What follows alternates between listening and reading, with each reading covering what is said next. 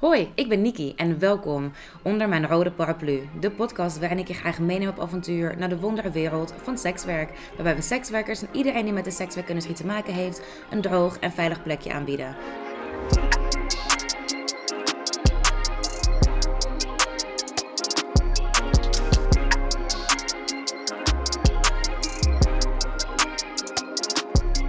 Vandaag heb ik Metje Blaak onder mijn rode paraplu. En Metje heeft een heel bijzonder cv. Zij is schrijver, filmmaker, fotograaf, geeft lezingen, maakt spotprenten slash cartoons, geeft cursussen voor een beter zelfbeeld. Ze heeft 25 jaar gewerkt als sekswerker op de Wallen en is, is daarna nog jarenlang de persvoorlichter van de Rode Draad geweest. Dat is een belangenorganisatie voor sekswerkers die actief was van 1985 tot 2012. En ze zet zich ook al jarenlang in voor de rechten van sekswerkers via media en lokale politiek. En tot slot staat zij op de kandidatenlijst van de Piratenpartij voor de Tweede Kamerverkiezingen van 2021. Met je hallo. Hallo. Hallo. Oh, dat is een hele lijst, hè, wat je daar opnoemt. Jeetje. Ja, jij hebt het gedaan. Ja. Ja, ik heb het allemaal gedaan. Ja, ik doe sommige dingen nog. Ik zou heel graag wat meer willen vragen over, over jouw indruk, indrukwekkende cv. Uh, maar ik zou graag willen beginnen met jouw allereerste herinnering aan sekswerk. Nou, toen was ik vier, denk ik. Dat is heel jong. Ja, want uh, ja, ik weet niet hoe het precies in elkaar zat, maar ik heb altijd, uh, toen ik vier was, kwam mijn broer altijd thuis met verhalen over striptease-danseressen, met veren en zo. En toen dacht ik, nou, dat wil ik worden. Maar hij noemde dan ook prostituee erbij, maar dat wist ik helemaal niet wat het was. Maar dan zei ik tegen iedereen, ja, ik wil striptease-danseres worden en prostituee. dus dat, ik wist niet eens wat het was. Maar het is eigenlijk begonnen in het ziekenhuis. Ik heb ook in het ziekenhuis gewerkt toen ik 15 was. En dan moest ik altijd oude mannetjes wassen. En op een nacht moest ik ook een oud mannetje wassen. En toen zei de hoofdverpleegster van... als je dus uh, iets gaat groeien... dan moet jij daar een koud washandje op leggen... of je moet met een stokje gaan slaan. Want dat kunnen we niet hebben. En die man was geloof ik uh, 95 jaar. En toen zei ik van nou mevrouw, er kan toch helemaal niks meer gaan groeien als je 95 bent. Toen zegt ze ja, dat kan nog best gebeuren. En ik was hem aan het wassen en inderdaad, het gebeurde. Die man die kreeg uh, uh, van een schuimpje werd het een fabriekspijp. En, oh jeetje. En ik was 15 en toen dacht ik, en hij ging echt sterven, want hij was al aan een morfine. En toen dacht ik, hé, wat sneu voor die man. En toen heb ik hem een happy end gegeven. En dat heeft dus de hoofdzuster ontdekt, want ze kwam binnen toen hij net aan zijn hoogtepunt was. En toen ben ik dus ontslagen. En toen dacht ik bij mezelf, ja, er moet toch ergens een roeping voor me zijn. Nou, later dacht ik bij mezelf, toen ik in de sekswerk zat, dit is mijn roeping.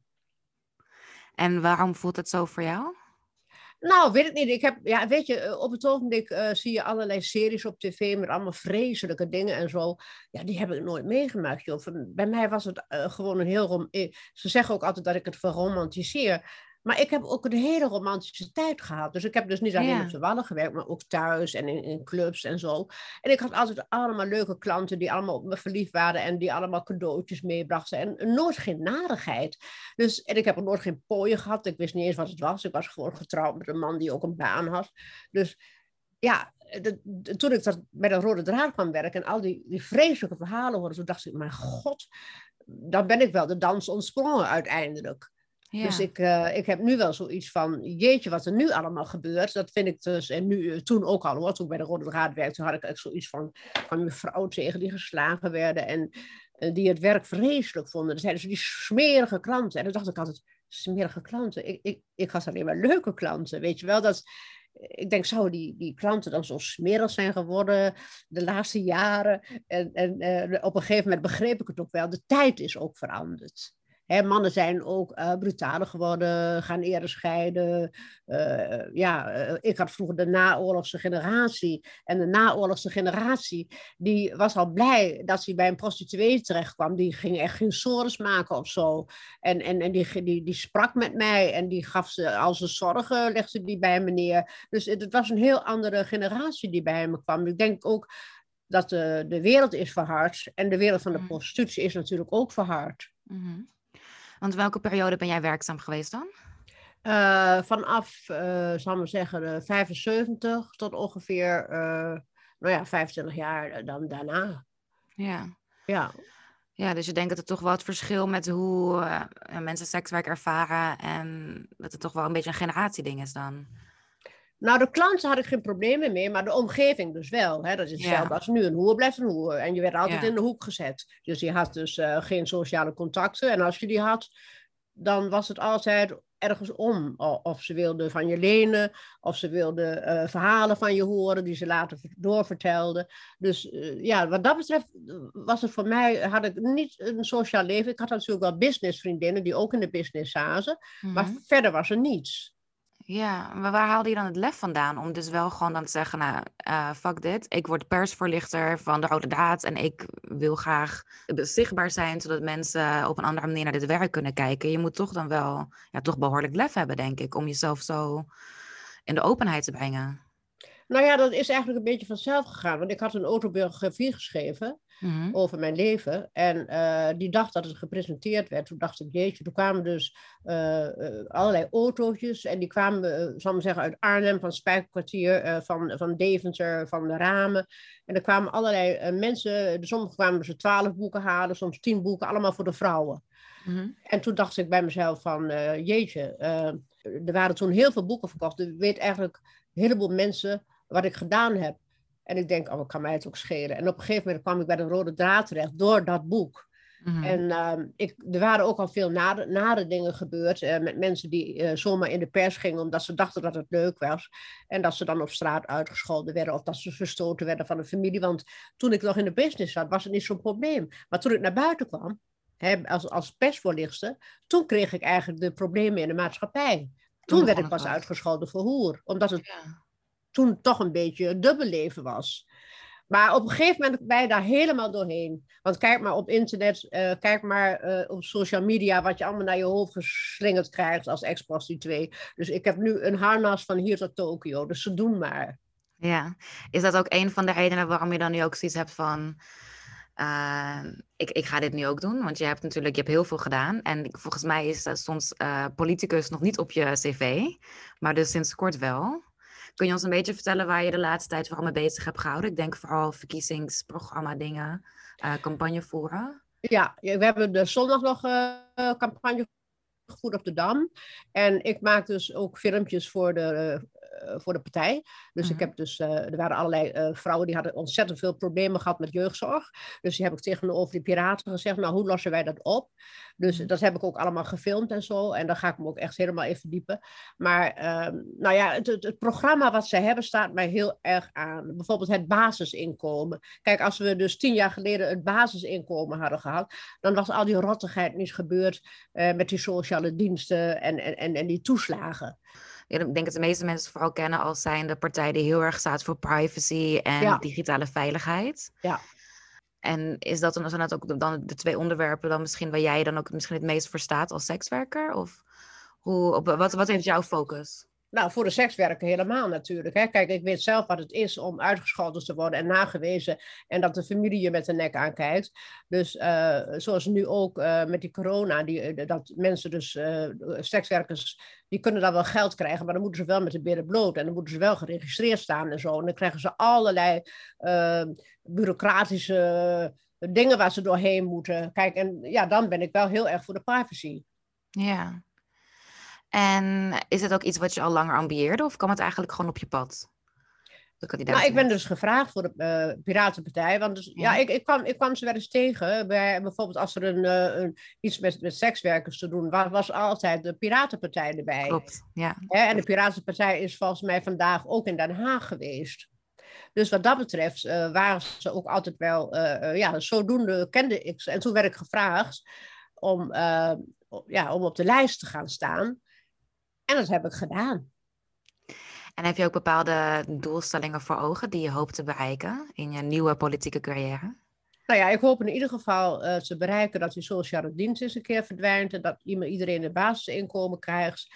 En eh, dat, dat de prostituees ook wat meer privacy krijgen. Dat ze niet, eh, weet ik veel, met de billen bloot hoeven en, en zich moeten re- registreren en zich moeten bekendmaken als prostituee en ingeschreven staan bij de Kamer van Koophandel als prostituee. Dat ze dat dus een beetje respecteren. Ja, Nee, want ik zag inderdaad in het verkiezingsprogramma ook staan dat ze heel specifiek ook zeggen dat ze tegen registratie van sekswerk zijn. Ja. Waarbij ik dan dus meteen denk aan, nou, zoals de laatste wet die daarover ging, de wetregulering sekswerk, waarin ze dus weer zo'n regi- registerstructuur wilden aanbrengen eigenlijk. Ja. Dus sommige mensen zeggen dan, hè, je hebt ook een register voor dokters, je hebt ook een register voor deze mensen, waarom dan niet ook voor sekswerkers? Nou ja, omdat ze dan eens even bij hunzelf, eh, moeten ze allemaal eens even in de spiegel kijken hoe zij sekswerkers behandelen. En hoe zij doen tegen sekswerkers. Hè, Ja. Want ik heb wel eens eh, een lezing moeten geven ergens en dan eh, was er van, hoe hoe die hoer komt eraan. Ik, ik kan honderd verhalen daarover vertellen, dat, dat, hoe, hoe je behandeld wordt. En als jij als sekswerker eh, ergens gaat solliciteren, toen ik eruit stapte, ben ik gaan solliciteren. Verdomme, ik kwam in het kantoor waar ik tegenover een klant zat en die tegen, tegen mij schreeuwde, geen hoeren in mijn tent. Weet je wel? En dan denk je bij, dan heb ik zoiets. Ja, eh, en, en, en, een, en een, een meisje bij ons die dus eh, ging werken voor een andere eh, stichting. Die soep rondbracht voor daklozen. En dat zij op een gegeven moment aan een collega vertelde dat ze nog wel eens een klantje ontving. Moest ze gelijk naar een andere wc. Kijk, dat zijn toch idiote dingen. En een ander meisje wat, eh, wat, wat, wat bijvoorbeeld heel veel wisselende contacten had, dat, dat maakte dan niet uit. Maar zo gauw je er geld voor krijgt, is vies. Ja, En, en dat zijn allemaal dingen waar ik heel graag tegenaan wil schoppen. ja. Maar dat doe je heerlijk. Ja, En wat ik zag ook in het programma staan, dat eh, de Piratenpartij heel graag wil overstappen naar het Nieuw-Zeelandse model van decriminalisering. ja, ja. Het Nieuw-Zeelandse model is natuurlijk beter dan het Zweedse model. Maar dat kennen we dus allemaal, toch? Ja. Nou ja, kun je misschien heel kort even toelichten voor mensen die het niet weten wat precies het Nieuw-Zeelandse model inhoudt? Nou, ik denk dat het. Ik, ik weet niet precies wat het inhoudt, want ik heb me daar nog niet helemaal in eh, verdiept. Maar ik denk dat het, dat het wel eh, volkomen geaccepteerd wordt daar. Ja, nou ja, wat ik ervan weet is het inderdaad, het is net een andere structuur dan dat we hier hebben. Dus hier hebben we dan legalisatie en daar heb je dan dus de decriminalisatie inderdaad. Waarbij ehm, het ook in, eigenlijk dus losgetrokken is bij veiligheid en justitie, maar dus bij werk en inkomen wordt geregeld ook vanuit de overheid. Ja. En ik weet eigenlijk niet zo goed hoe, hoe de mensen in Nieuw-Zeeland naar sekswerk kijken, maar ik kan me voorstellen dat er niet altijd zo'n zo'n zo'n aura van, van we moeten die meiden redden omheen hangt. Dat, ja, Ja, de redden de engelen. als Ja, je dat nee, niet meer hebt, dan kan ik me voorstellen dat de mensen ook een stuk normaler tegen jou zullen aankijken, denk ja, ik. ik denk, ja, dat klopt. In Nieuw-Zeeland is het eh, een, eh, een vak. Weet je, en Ja. wij zien het, wij zien het eh, nog altijd als een uit de hand gelopen hobby. Ja. En dat is heel jammer. Denk je dat, dat dat eigenlijk dan de reden is waarom het toch een beetje eh, op zo'n nare manier wordt behandeld? Omdat mensen het inderdaad als een soort uit de hand gelopen hobby zien? Denk ik. ja, dat denk ik wel. Ik bedoel, kijk, je hebt op het ogenblik toch ook heel veel eh swingersclubs, eh amateurhoeren. Je hebt van alle varianten. Maar de echte prostituees, ja, dat, zijn dan altijd nog, dat wordt altijd nog aan de kant geschoven. Ik begrijp er niets van. Heb je het gevoel dat het niet de laatste jaren wel misschien een beetje is verminderd? Want ik denk dat, nou, we kunnen zien dat überhaupt dat verschillende politieke partijen sekswerk in hun programma hebben opgenomen. Ook al is het bij sommigen alleen maar een kleine alinea. Eh, het wordt wel genoemd. Dus ik, ik heb ergens dan toch een bepaalde hoop dat het wel de goede kant op gaat. Nou, ik, ik wil jouw hoop niet de grond inboren, maar de meeste eh, politieke partijen die het in hun programma hebben opgenomen, die willen het eigenlijk een beetje de kop indrukken. Eh, van, we nemen het op en dan kijken we hoe we het eigenlijk ehm, een, een soort ehm sterfhuisconstructie kunnen toepassen. Kijk maar naar de Wallen. Hè, Ja. Dat willen ze nu ook aan de rand van de stad doen. Kijk naar Arnhem. Hè, daar hebben ze op, op een gegeven moment... Ik had nooit gedacht dat Arnhem... Want ik heb toen in het prostitutiebeleid gezeten daar in, in de gemeenteraad. Ik had nooit gedacht dat ze voor elkaar zouden krijgen om Arnhem helemaal te liquideren. En dan zouden ze nog een alternatief zoeken. Nou, die is er nooit gekomen. Ja, ik zou maar zeggen 100 kilometer verder in een weiland. En dat is toch... Ja, dat, dan word je als Milaatsen je buiten de stad gegooid. Dus eh, ik, ben, ik, ik denk dat heel veel politieke partijen zeggen... we nemen het op in ons programma... maar wat we mee doen, dat zien we nog wel. Ja, nou daar ben ik ook een beetje bang voor inderdaad. Eh, want ik zag onlangs dat GroenLinks heeft het ook in hun programma opgenomen. En dat voelt dan voor mij een beetje tegenstrijdig als ik dan denk van ja, hè, je bent dan voor een betere positie van sekswerkers, maar tegelijkertijd is in Amsterdam zijn we daar heel veel plekken aan het weghalen voor sekswerkers. Dus ik, het, ik heb ook zeker wel die angst dat ze dan inderdaad gewoon ja, dat het toch een soort loze belofte is. Maar waarom, waarom zou dat dan bij de Piratenpartij dan niet zo zijn? Omdat wij niet zo zijn. Nee, als Piratenpartij staan wij dus achter de sekswerken. En wij vinden dat sekswerk is werk en het moet behandeld worden als werk. En, en, en ministers moeten niet als uh, pubers zitten te giechelen als ze eens een keer met een prostituee moeten praten. Ja. En eh, weet jij dan toevallig ook op welke manier die Piratenpartij dat dan probeert of wilt gaan proberen te introduceren? Want ik denk dat je toch een bepaald ja, plan nodig hebt om dit bij de rest van de politieke partijen. Uh, ja, natuurlijk. We hebben een heel goed plan. Kijk, en allereerst is dus dat we het gewoon als een vak zien. Hè, en als er een, uh, een crisis is zoals nu met de corona, dat mhm. zij ook gewoon hun geld krijgen. Ja. En dat zijn niet, want er zijn mensen die dus uh, op dit moment gewoon totaal niks te vreten hebben. Nou, en dat mag dus absoluut niet gebeuren. En ook dat sekswerkers dus nou ja, gewoon normaal geaccepteerd worden in de maatschappij. En ook als je, als je uit dat vak stapt, dat je dus niet gediscrimineerd kunt worden als je ergens gaat solliciteren. Dat je dus in de prostitutie hebt gezeten. Want dat is mij dus. Ik, ben, ik heb me rot gesolliciteerd, maar kwam nergens aan de bak. Ik had natuurlijk een arbeidersgat van 25 jaar. Hè, omdat het toen nog uh, een beetje gedoogd was. Maar dat mag dus absoluut niet meer gebeuren. Als jij eruit wil, dan moet je ook de kans krijgen om te kunnen werken, zonder dat je in de hoek wordt gezet. Want ik heb ook meegemaakt dat ik dus ergens toch aan het werk kwam. En dat ik dus in een magazijn dus uh, bijna verkracht werd door een vent daar. En dat ik naar de directeur ging en dat hij zei, ja, moest goed luisteren. Jij werkt hier drie weken en hij twintig jaar, jij gaat eruit. Dus jij loopt het uit. Jij, jij, jij hebt in het leven gezeten. Dat is, dat is echt gebeurd. Dus en die dingen, zo kan een vrouw ook nooit wisselen van baan als ze dat wil. Nee. Wat ongelooflijk naar. Ja, nou ja, staan, die dingen zijn gewoon. Ik, ik, heb er een boek over geschreven. Dus het, het, is, het is echt. Het is echt. Ik heb dat gewoon allemaal aan de lijve ondervonden. Ja, en ik wil gewoon niet dat andere vrouwen dit gebeurt. Op welke manier zou je dat dan kunnen opvangen? Dat mensen niet dat soort dingen zouden moeten meemaken? Want ik weet dat je nu natuurlijk veel van die uitstapprogramma's hebt. Ja, maar dat is ook asociaal wat op tv is nu. Want uh, nu uh, worden er allemaal films gemaakt hoe erg dat die prostitutie wel niet is. En uh, Jo Janneke, die had dan ook weer een paar vrouwen dus naar voren gehaald. Hoe erg dat het allemaal was en zo. Maar natuurlijk zijn vrouwen die het heel erg hebben. Maar er zijn ook vrouwen die het, die het als een vak... En die vrouwen worden ondergesneeuwd. Die zie je nooit op tv. Je ziet nooit een vrouw op tv die zegt, nou, ik heb een geweldige baan. En ik vind het hartstikke leuk. En morgen komt Jantje en Pietjes vandaag geweest. Nou, hebben we nog een cadeautje meegebracht ook. Dat hoor je niet. Je hoort alleen maar vette ellende. En dat wordt alleen maar opgeklopt in de media. En daar zijn wij het ook absoluut niet mee eens. Nee. En hoe, hoe, hoe kijk je dan aan tegen die uitstapprogramma's die er op dit moment zijn? Want op, ik denk op zich zijn het, is het idee van zo'n uitstapprogramma niet per se slecht. Alleen zou de naam denk ik al anders moeten gaan. Dus bij andere beroepen wordt het namelijk gewoon een carrière switch genoemd. Ja, carrière move, carrière move. Ja. ja.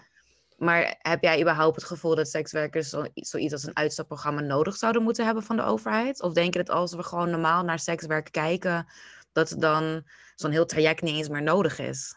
als men gewoon de, de vrouwen behandelt zoals uh, een vrouw behandeld moet worden, zijn die trajecten dus absoluut niet nodig. Het is, het is mooi dat ze er nu zijn, omdat mensen toch die vrouwen niet goed behandelen. Maar ik heb dus wel meegemaakt dat uh, vrouwen dus op een gegeven moment... Er waren stichtingen die, haalden, die wilden vrouwen uit de prostitutie halen... maar ze waren gewoon zieltjes aan het redden voor een of ander geloof. Dus met, met, met geld van de overheid. Dus dat gebeurt dan ook er komen altijd weer, weer stichtingen in beeld die daarvan profiteren. En die, en, en, en die dan een, een probleem gaan creëren om daaraan te verdienen. En dat, dat, dat is een heel groot probleem. Ja, en op welke manier heeft de Piratenpartij zich tot nu toe hard gemaakt om eigenlijk die positie van sekswerkers dan te verbeteren? Nou, daar zijn ze eigenlijk al, al jaren mee bezig hè, om dat te doen. Uh, ze zijn ook uh, vaak uh, bij protesten, een paar jaar geleden, of misschien maar anderhalf jaar geleden geloof ik, dat er zo'n vreselijke tentoonstelling was in het Historisch Museum. Dat mensen in een vrouw mochten gaan snijden. Oh, die ja. Hè, daar, daar, daar stond de, paraat, de Piratenpartij ook. Dus ze hebben ook altijd gekeken hoe ze die vrouw behandelen. Wat, wat gebeurt hier? Ja. En, en, en kijk, wij, als wij geen zetel krijgen, kunnen we nog niet veel doen. Maar ik hoop dat we één zetel krijgen. Dan kan je mhm. tenminste toch iets doen. Ja, want we hebben natuurlijk nu nog niet echt een politieke invloed kunnen hebben. Nee, we zijn nog niet uh, in debat geweest met de Russen of met uh, weet ik veel wie. Het zou wel leuk zijn dat onze dat... Matthijs dat zou doen, want die is goed hoor. Dat geloof ik meteen. Ja.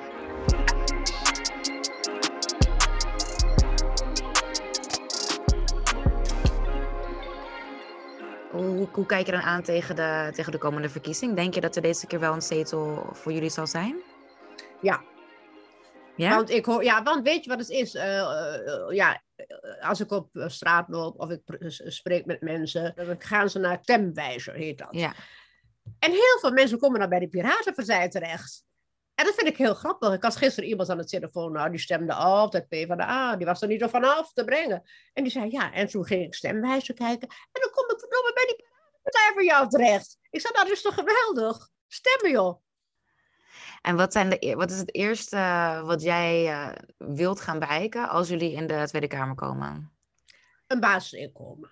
Het basisinkomen. Ja, dat heeft ook met de prostitutie te maken, want dan uh, ja, zit iedereen uh, safe. Dan hebben we geen last meer van, van die misstanden die we nu hebben en waar, we dus, waar mensen voor moeten aftreden. en dan heb je het inderdaad weer over die toeslagenaffaire die recentelijk. ja. ja. Denk je dat dat ook dan inderdaad, eh, de, zoals dat je nu dat, dan geen coronasteun hebt voor heel veel sekswerkers, dat het daarmee dan ook weer dat probleem eigenlijk een beetje zal inperken? Ja, dan is dat probleem ook weg. Maar, ja, maar er zijn zoveel dingen die wij eigenlijk willen. En ja, dat is te veel om op te noemen. Maar als je maar een paar dingen zou kunnen bereiken en als je daar maar iets aan komt duwen, ja, dan, dan, dan ben je al blij. Want het is natuurlijk ook een, uh, een heel gedoe als je in de Kamer zit. Om, om, je kunt je mening wel hebben. Je kunt wel gelijk hebben, maar gelijk krijgen, dat is natuurlijk een heel groot probleem. Ja, dat is een heel ander ding. Ja, een heel ander ding, ja. Ja. Hoe ben jij van plan om je gelijk te krijgen? Als je daar straks zit? Als ik daar zou zitten? Ja. Ja, nou ja, natuurlijk zou ik het uh, uh, op een ludieke manier proberen om toch de aandacht te trekken. Uh, om het gewoon anders te doen en geen dure woorden te gebruiken die mensen dus niet kunnen begrijpen. Dat zou ik dus nooit doen en ik zal ook nooit eromheen draaien als mensen mij iets op de man afvragen. Want dat doen ministers, of ze zeggen drie keer hetzelfde, weet je wel. Dat, dat, dat zou ik dus niet doen. Ik zal proberen om mij verstaanbaar te maken voor iedereen. Dat lijkt me een heel mooi streven. Ja. ja. Denk je dat de meeste idealen van de Piratenpartij ook daadwerkelijk in, in, onze huidige tijd haalbaar zijn? Nou, er zijn wel een paar haalbaar, denk ik, maar alles zal niet haalbaar zijn. Want je hebt natuurlijk ook met andere mensen te maken. Je hebt met, Kijk, je hebt de, eh, al tegen de, de, de mensen waar dus een, eh, een, eh, een kaartje aan hangt van de kerk. Hè? Dat heb je al tegen. Die willen, hè, die willen het liefst dat iedereen bekeerd wordt en weet ik veel wat. En die zijn ook tegen abortus en weet ik veel. Dus we kunnen, je kunt niet alles bereiken wat je wil. Als je maar een paar dingen zou kunnen bereiken, dan, dan, dan daar gaat het ook om. Dan ben je ook al, dan ben je blij dat je, ja, dat je er bent en dat je iets kunt doen. En voor jou is dat dus vooral het basisinkomen. Dat is voor jou echt het meest. Uh... Ja, dat is voor mij eigenlijk wel het, het hete uh, hangijzer. Uh, Ik heb zoveel de laatste tijd gezien en, en gehoord dat ik dacht ook dat jeugdzorgprobleem, daar gingen mij de haren van te bergen reizen. En behalve die twee dingen, wat is dan nog voor jou een derde pijler waar jij hoopt het meeste winst te kunnen behalen? Nou, ik hoop kunst en cultuur. Daar ben ik ook heel erg voor. Want ik vind als er geen cultuur in een stad is, dan is het gewoon een armoedige stad hoe rijk die ook is. Mhm. Iedereen moet zich, moet zich kunnen ontwikkelen. Elk mens moet zich kunnen ontwikkelen. Elk mens moet kunnen studeren waar die ook vandaan komt, in welk milieu die komt, uh, als er geen geld is. Dus ook, ook uh, die torenhoge schulden van die kinderen die op het ogenblik al die leningen moeten doen om te kunnen studeren, dat moet ook van de baan. Dus daar, daar, daar maken wij ons ook heel hard voor. Ja, ik ben benieuwd. Um, want ik ben uh, sekswerker, maar ik ben ook jurist. En mensen die hebben heel vaak dan zoiets van, oh, dat is toch wel heel anders. Terwijl ik, ja. in, mijn beleving heb ik dan zoiets van, ja, ik weet niet, het voelt voor mij een beetje hetzelfde. Ik praat in allebei de beroepen, praat ik veel. Um, en, en eigenlijk bij allebei de beroepen is mijn belangrijkste het doel die ik wil behalen is dat mensen bij mij weggaan en zich beter voelen over hun situatie of over hunzelf. Dus ik vraag me af, zijn er ook soort van overeenkomsten te zien tussen een politicus en een sekswerker? Zie je overeenkomsten? Ja, natuurlijk. Er zijn overeenkomsten. Ja, kijk, als uh, sekswerker, uh, dan heb je een klantenkring. En die klantenkring, die moet je tevreden houden. Op het ogenblik is het zo, wat ik dus hoor, van, ook van mijn kleindochters en van de vriendinnen, dat ze vreselijk op straat nagefloten worden en vreselijk in de tram lastiggevallen worden door middelbare mannen. Hmm. En ooit hebben wij gezegd van, uh, vrouwen, in de volksmond wordt heel vaak gezegd van, als er geen prostituees zijn, dan worden vrouwen verkracht. Maar, dat, dat is, ja, maar daar is nooit geen bewijs van geweest. Er is nooit, uh, het is nooit zo geweest dat er geen prostituees waren. Dus er is geen bewijs. Maar nu, nu mogen de prostituees niet werken en nu wordt het werkelijkheid. Dus nu is het zo dat die jonge vrouwen worden bekeken, begluurd, lastiggevallen, uh, tegen aangestoten in de, in de tram. Meer dan vroeger. En dan denk ik van, uh, nou ja, dan, dan ben je als sekswerker toch ook heel goed bezig om, om de maatschappij uh, rustig te houden. Of in ieder geval de mannen. Want een, een, een, nette man gaat naar een prostituee. Die valt zijn secretaresse niet lastig. Ja. Ik, ik vind het echt een hele leuke zin. Een nette man gaat naar een prostituee. Ik denk dat je daar ook heel erg gelijk in hebt. Ja, sekswerken vind ik echt een nawoord. Ja, of oh, vind je dat een nawoord? Ja, dat vind ik niet zo'n leuk woord. Werken met seks. Want we werken niet met seks, we werken ook met hartstocht. En we werken ook met mensen. Ja. We werken met mensen. Uh, ik, ik, ik had eerst in mijn intro staan prostituee, dat je als prostituee had gewerkt op de Wallen. En toen had ik het toch veranderd naar sekswerker, omdat het natuurlijk het... het uh... Ja, dat wordt nu gezegd. Ja. Uh, en ik dacht, ja, ik wil je niet voor het hoofd stoten. Maar ehm, ik vind het toch een interessant ding dat jij dan zegt van, ja, ik hou eigenlijk helemaal niet van het begrip. Nee. Ik heb ook eens geprobeerd met jongens van de radio. Om een nieuw woord te bedenken voor een prostituee. Een nieuw woord. Hoe noemen we... En dan als je dan de Surinaamse jongens hebben die zeggen... huurmeisje.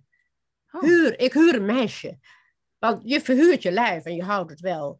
Dus dat vond ik ook een heel lief... Ja, vond ik heel leuk, huurmeisje. Huurmeisje klinkt en, best lief.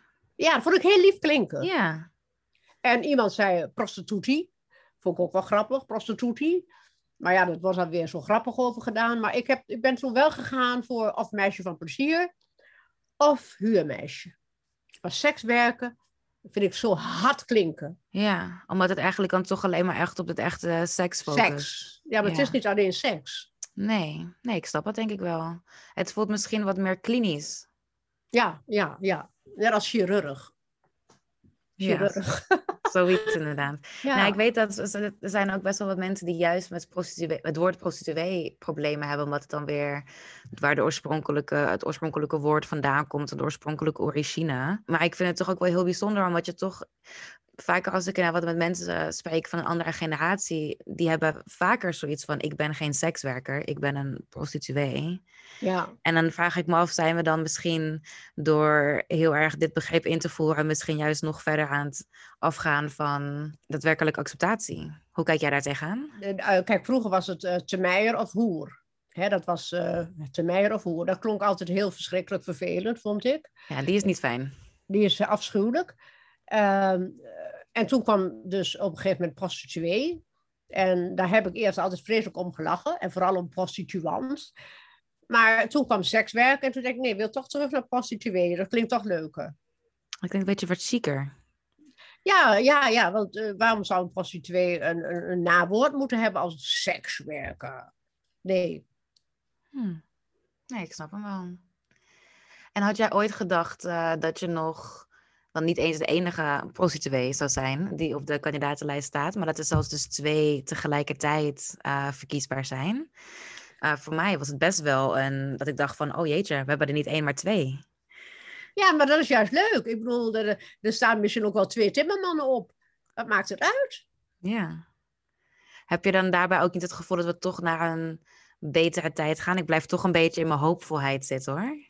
Nou, we gaan, kijk, uh, qua wetgeving en zo, dat, dat, dat, eh, weet ik veel dat het dus uh, als een beroep geaccepteerd wordt en zo. Nou, nog niet helemaal, maar nou ja, het gaat de goede kant op.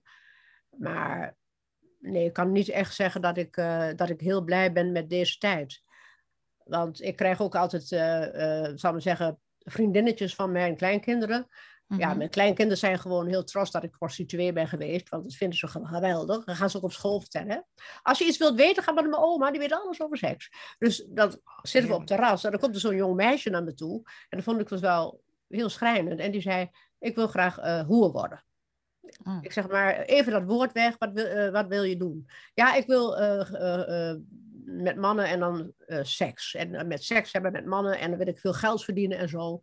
Nou, dan ga ik met haar op het zitten en zeg, nou, dan gaan we nu mannen kijken.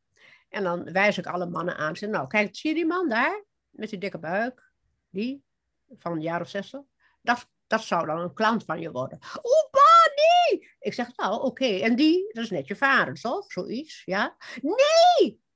En dan op een gegeven moment willen ze het niet meer. Maar het, is, het wordt soms ook zo voorgesteld in de clips en zo. Hè? Dan zie je al die mooie, stoere jongens. En die meisjes allemaal dansen. Dan denken ze, oh, dat zijn prostituees, dat wil ik ook. Dus ik probeer ze het ook altijd uit hun hoofd te praten. Maar ja, zegt ze, maar jij hebt het toch heel leuk gehad. Ja, dat klopt, maar dat was een andere tijd. Ik zou niet willen dat mijn kleindochters het zouden doen. Omdat het een andere tijd is.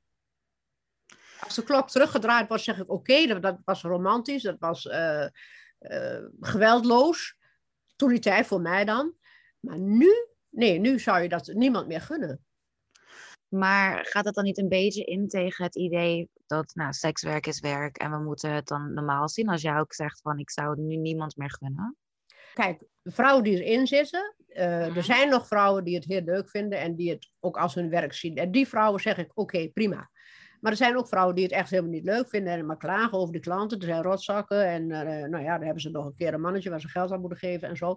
Ja, dat, je moet het weer gezond maken, de prostitutie. Hè, ik bedoel, Oh. gezond. Maak het gezond. Maak het zo hè, dat jij, als jij bijvoorbeeld, eh, eh, je bent advocaat en je werkt op een advocatenkantoor wat verschrikkelijk is, dan ga je daar weg. Ja. En dan ga je naar een advocatenkantoor waar, waar, waar je je prettig voelt. En zo moet het ook met een prostituee zijn. Dat ze zich prettig in haar werk voelt. En in haar omgeving. En, en, en nou ja, dat het allemaal een beetje eh, prettig is. En, en dan, dan maak je de branche weer gezond. Maar waarom, waarom ik het zeg dat ik het niet gun? Omdat je, omdat je, je wordt nu ook voor de leeuwen geworpen. Eh, Weet jij ergens een opleiding als prostituee waar je dus terecht kunt als meisje van 19 jaar? Eh, kan ik een opleiding krijgen als prostituee? Nee, nergens. Nee, je mist wel. Enerzijds natuurlijk nu in, de, eh, in, in, een, tijd waarin weer alle informatie aan je voeten ligt, maar tegelijkertijd ja, informatie over hoe begin ik als prostituee is niet heel makkelijk te vinden. Maar ik vind de term, we moeten prostitutie weer gezond maken, wel een hele leuke. Hoe denk je dat we daar dan bij kunnen beginnen? Begint het dan dus bij veilige werkplekken? Begint Ja. het bij proberen het stigma te, te, te verminderen? Hoe kunnen we dat doen, denk je, op de beste Nou, de manier? eerste plaats, in de eerste plaats het stigma eraf halen. Eh, het stigma wordt ook heel vaak veroorzaakt door mensen die naar de prostituees gaan omdat ze dat niet willen wezen. En dan gaan ze net doen of ze dat maar verschrikkelijk vinden. Dat moet Ja. eens een keer afgelopen zijn, de hypocrisie. Dus gewoon accepteren ook dat je hoerenloper bent. Dat hoef je niet aan de grote klok te hangen, want het is uiteindelijk de privacy waar je voor betaalt. Toch? Precies, ja. En, eh, maar ga dan alsjeblieft niet zo tekeer tegen prostituees. Want ik heb het aan de lijve ondervonden in Arnhem. Ik zat daar te praten over eh, het, het spijkerkwartier, wat dus eigenlijk niet op de schop moest. En de ex-klanten schreeuwden het hardst om nulbeleid. Mijn ex-klanten hè, die daar zaten. Maar ik kon niks zeggen, want de prijs is betaald. Snap je wat ik bedoel? ja. dus- Dat was heel afschuwelijk was dat toen. Toen dacht ik van, nee, ik had ze het liefst eh, in de gezicht willen zeggen van, en waar moet jij dan heen, weet je wel. Maar dat kon ik niet doen, want een prostituee praat niet over haar klanten. Dat is net als een dokter en een schoonheidsspecialist. Je praat niet over je klanten. Nee. Maar de, de klanten praten wel over jou. Ja, ik wou net zeggen, het lijkt me toch Ja. best wel een hele moeilijk hoor. Ik weet, niet, ik weet niet zeker of ik me had kunnen inhouden als ik jou was. Ik weet, ja, nee, ja, ik weet niet. Ik zou het wel echt heel moeilijk gevonden hebben om niet gewoon te zeggen van godverdomme. Nou, ik, heb, ben, wel, weg- ik ben weggelopen. En, eh, want ik denk, als ik hier blijf, dan, gaat het niet goed. Dus ik ben gewoon even weggelopen. Ik denk, ik moet hier niet de scène gaan maken. Ehm, maar ik had toen wel in de gaten hoe het eigenlijk in elkaar zat. Ja, Want je hebt daar 25 jaar gewerkt. En 25 jaar eh, heb je een leven gehad eh, wat leuk was, wat lollig was, wat, wat grappig was. eh, leuke klanten. Je verdiende veel geld. Ze brachten het gewoon naar je toe. En ineens ga je de grote boze wereld in. En dat is mij heel erg tegengevallen. Wat was de grootste tegenvaller daarbinnen? Ja, je denkt altijd, uh, ze zei altijd tegen mij, als, ik, als ze wisten dat ik in de prostitutie zat, zeiden ze, jij, jij zit in de prostitutie. Dat is toch een hele harde wereld, dat is toch verschrikkelijk? En dan dacht ik, het is helemaal geen harde wereld, wat, wat is dit? Maar toen ik eruit stapte, toen ben ik een paar keer ook vreselijk bedrogen met bedrijfjes die ik op ging zetten. Dat ze me dus uh, uh, naarden met geld. En dat was dus een grote boze wereld. Ik dacht bij mezelf, ja, wat is nu die harde wereld? Waar ik in gezeten heb of dit? Ja, het is allemaal perspectief natuurlijk. Ja. En ben je niet bang dat dan ook in de politiek het misschien dan toch soort van tegen je gebruikt zou worden? Dat je dus net ook zegt nou, dat je het mensen niet gunt om nu nog eventueel in te stappen. Uh, dat je dus je kleindochter, dat je niet wilt dat je kleindochters het zouden gaan doen. Ben je dan niet bang dat dan bijvoorbeeld een, een geestelijke partij dan zal zeggen van ja, maar zie je wel, want zij is zelf, zelf prostituee geweest en zij vindt dit ook. Dus we moeten toch maar al die plekken gewoon, uh, gewoon weghalen, want het is allemaal niet meer van deze tijd. Ja, dan zeg ik gewoon uh, nee, de, je moet de prostitutie weer gezond maken. En je moet er ook uh, bestand tegen zijn. Kijk, er zijn prostituees die er niet bestand tegen zijn. Het is een beroep, je moet wel een ijzeren lady zijn om dat uit te voeren. Je moet een bepaald karakter hebben. Ja. Kijk, uh, als advocaat moet je ook een bepaald karakter hebben. Je mag ook, je moet ook, uh, zal ik zeggen, objectief blijven. Je moet ook, hè, jij hebt ook wel eens, als jij bijvoorbeeld een, een, een man moet verdedigen die vreselijke dingen heeft gedaan, dan moet jij daar ook niet van uitgaan. Dus uh, ik, ik, ik, ik vind dat uh, een, iemand die prostituee is, die moet daar ook het karakter voor hebben. En dat kun je alleen maar testen door iemand, uh, als een vrouw zegt ik wil prostituee worden, nou, een opleiding. Kijk even hoe het gaat, de hygiëne. Ehm, als, als, je in de horeca instapt, moet je ook cursus hygiëne hebben. Anders kom je daar ook niet aan de bak. En prostituee, dat kan iedereen doen. En ook meisjes die er absoluut niet tegen bestand zijn. Ja, het is niet voor iedereen inderdaad. Het is niet voor iedereen weggelegd. En ik, ik vind, eh, maar zij willen het, als ik dat, wat jij zegt zou zeggen, ja, dan willen ze het gelijk helemaal uitroeien. Dan zeggen ze, zie maar. Maar dat bedoel ik dus niet. Ik bedoel gewoon dat je dus tegen bestand moet zijn. Ja. En eigenlijk pleit je dus ook dat je zegt van er moet eigenlijk gewoon bijna een soort instituut komen die mensen uh, ja. leert hoe ze prostituee moeten worden. Ja, gewoon een soort uh, normale opleiding. Uh, als je, uh, waar je naartoe kunt gaan en, en, en waar je kunt uh, leren, hoe ga je met een klant om? Ik heb daar ook, ik heb zelf een cursus geschreven, hè, een, een, boek. En het gaat dus over, hoe ga je met een klant om? Je werkt in een klein peeskamertje. Dan zou je nooit met je rug naar een klant toe moeten gaan staan. Want je weet nooit of die man zijn macht misbruikt. Um, je, je, moet allerlei dingen moet je leren over mensen en over karakters. En ook als je SM bedrijft, dat je dan de baas blijft. Hè? Dat er niets gebeurt wat jij niet wil. En dat je daar niet helemaal in meegaat. Er zijn allemaal takken van de prostitutie die ook heel gevaarlijk kunnen zijn. Bijvoorbeeld SM kan ook heel gevaarlijk zijn. Dat kan ook tegen jou gebruikt zijn. En dan moet je wel de touwtjes in handen hebben. Ja. En ook moet je bestand zijn tegen de buitenwereld. Maar dat zal er wel honderd jaar duren voordat je aan de bar kunt zeggen van... hé, hey, ik ben prostituee zonder dat iemand aan je kont zit. Dus uh, dat, dat bedoel ik dus. Dat, dat, dat, dat moet je ook tegen kunnen. En dat gescheld op, de, op, op, de, op internet. Ik bedoel, als ik een keer op tv ben geweest, nou, dan moet je kijken waar ze me weer overal voor uitschelden. Dat, en dan denk dan ga ik helemaal, lach ik om. Maakt me niet uit. Ik zag Gordon naast op tv, die was helemaal overstuur, dat ze hem hadden uitgescholden. Ik denk, jongen, laat ze. Ze zetten zichzelf voor.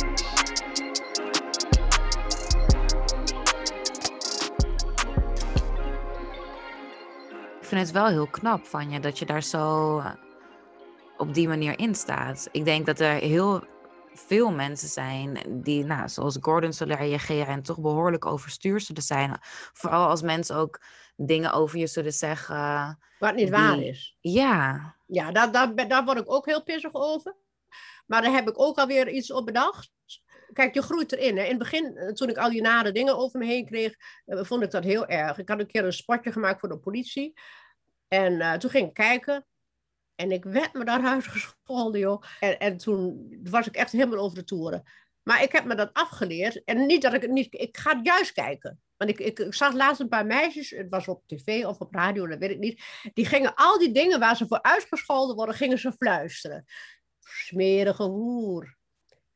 Vieze stoephoer. Weet je wel, zo gingen ze allemaal oplezen. En dan moest ik zo vreselijk om lachen. Dat doe ik nu ook. Als ze me uitschelden, ga ik het heel zachtjes oplezen en dan lach ik erom. Dus je moet op een gegeven moment moet je je daar tegen beschermen.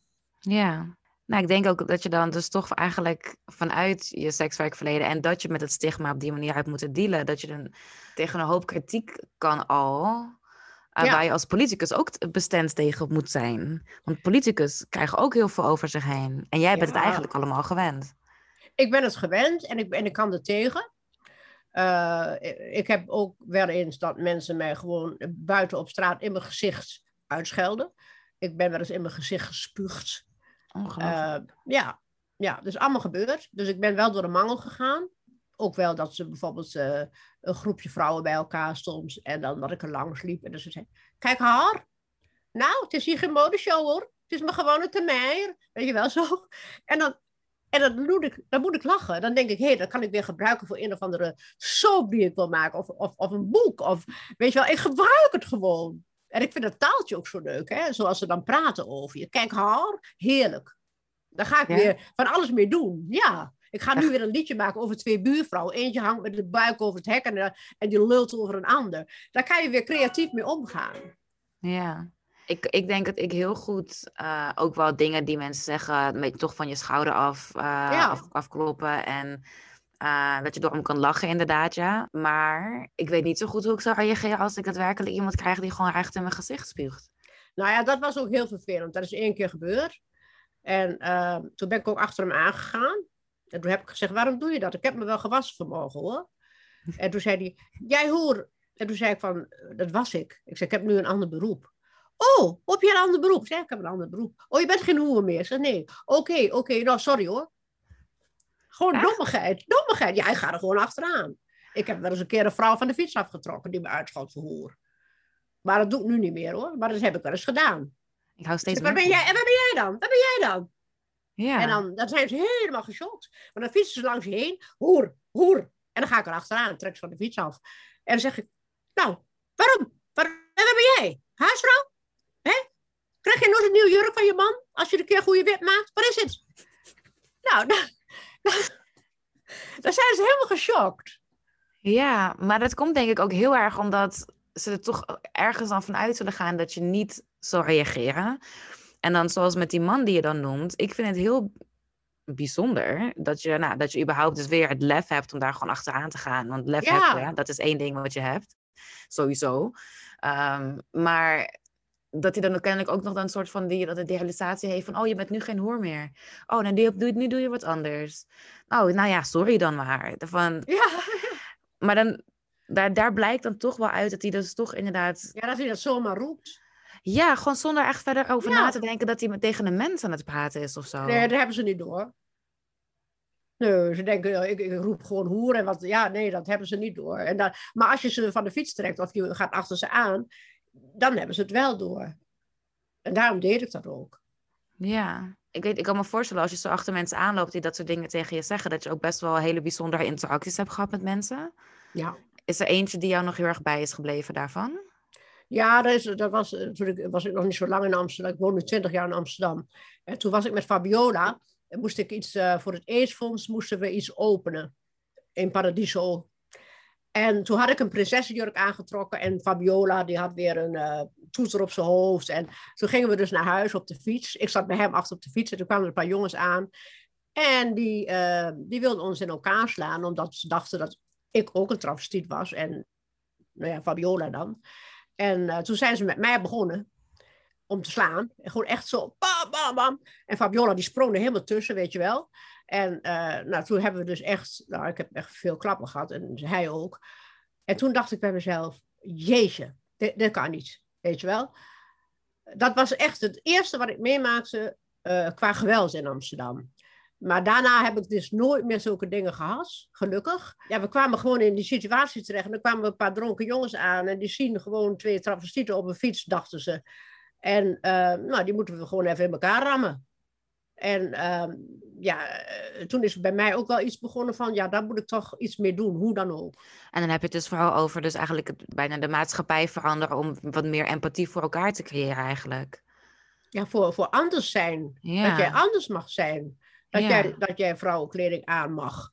En dat jij, eh, ja, eh, hoe dan ook, eh, of je nou prostituee bent, of je bent postbode, of whatever. Ja, je verdient allemaal je geld, je moet allemaal je, je, je brood verdienen, je bent allemaal mensen. En ja, dat, dat, dat vond ik toen wel heel, dat was mijn eerste ik heb nooit met geweld te maken gehad. Al die 25 jaar in de prostitutie. En er beide uit. En, en dan zit je in een soort vrolijke wereld. Hè? Je veel lol altijd met hem. En dan gebeurt dat. En dan denk ik, ja. De grote boze wereld. Ja, waar je altijd over verteld is. Ja, Daar is hij dan eindelijk. ja. Wat is iets wat je graag aan de luisteraar zou willen meegeven, hoe ze eh, wat aardiger voor anderen kunnen zijn, als ze zich daar nog niet zo bewust van zijn? Hoe, kun, hoe kunnen we in onze maatschappij meer, meer empathie creëren?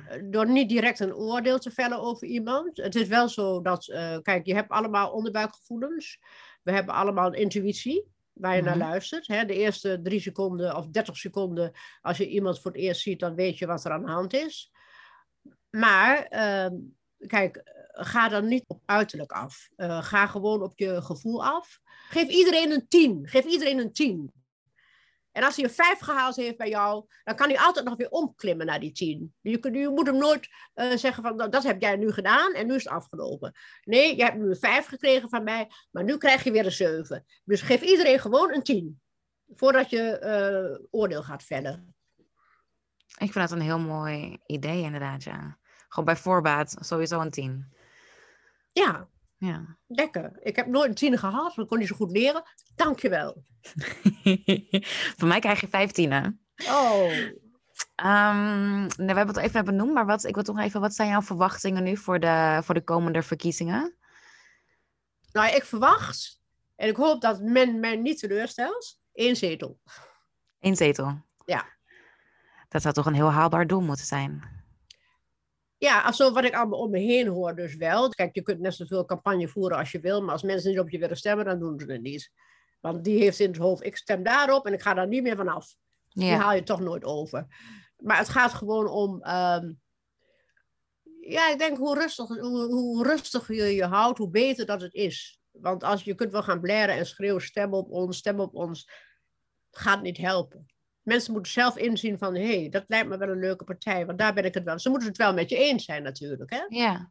En wat heb je, heb je dan ook misschien een tip of, een, of, een, of iets te zeggen tegen de, de twijfelaars onder ons die eh, misschien normaal gesproken altijd D66 hebben gestemd, maar nu inderdaad in de kieswijzer Piratenpartij toch in de top drie hadden staan.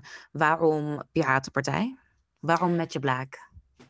Nou ja, waarom? Eh, ja, ik zou dat gewoon doen. ik vind het een beetje dom. ik.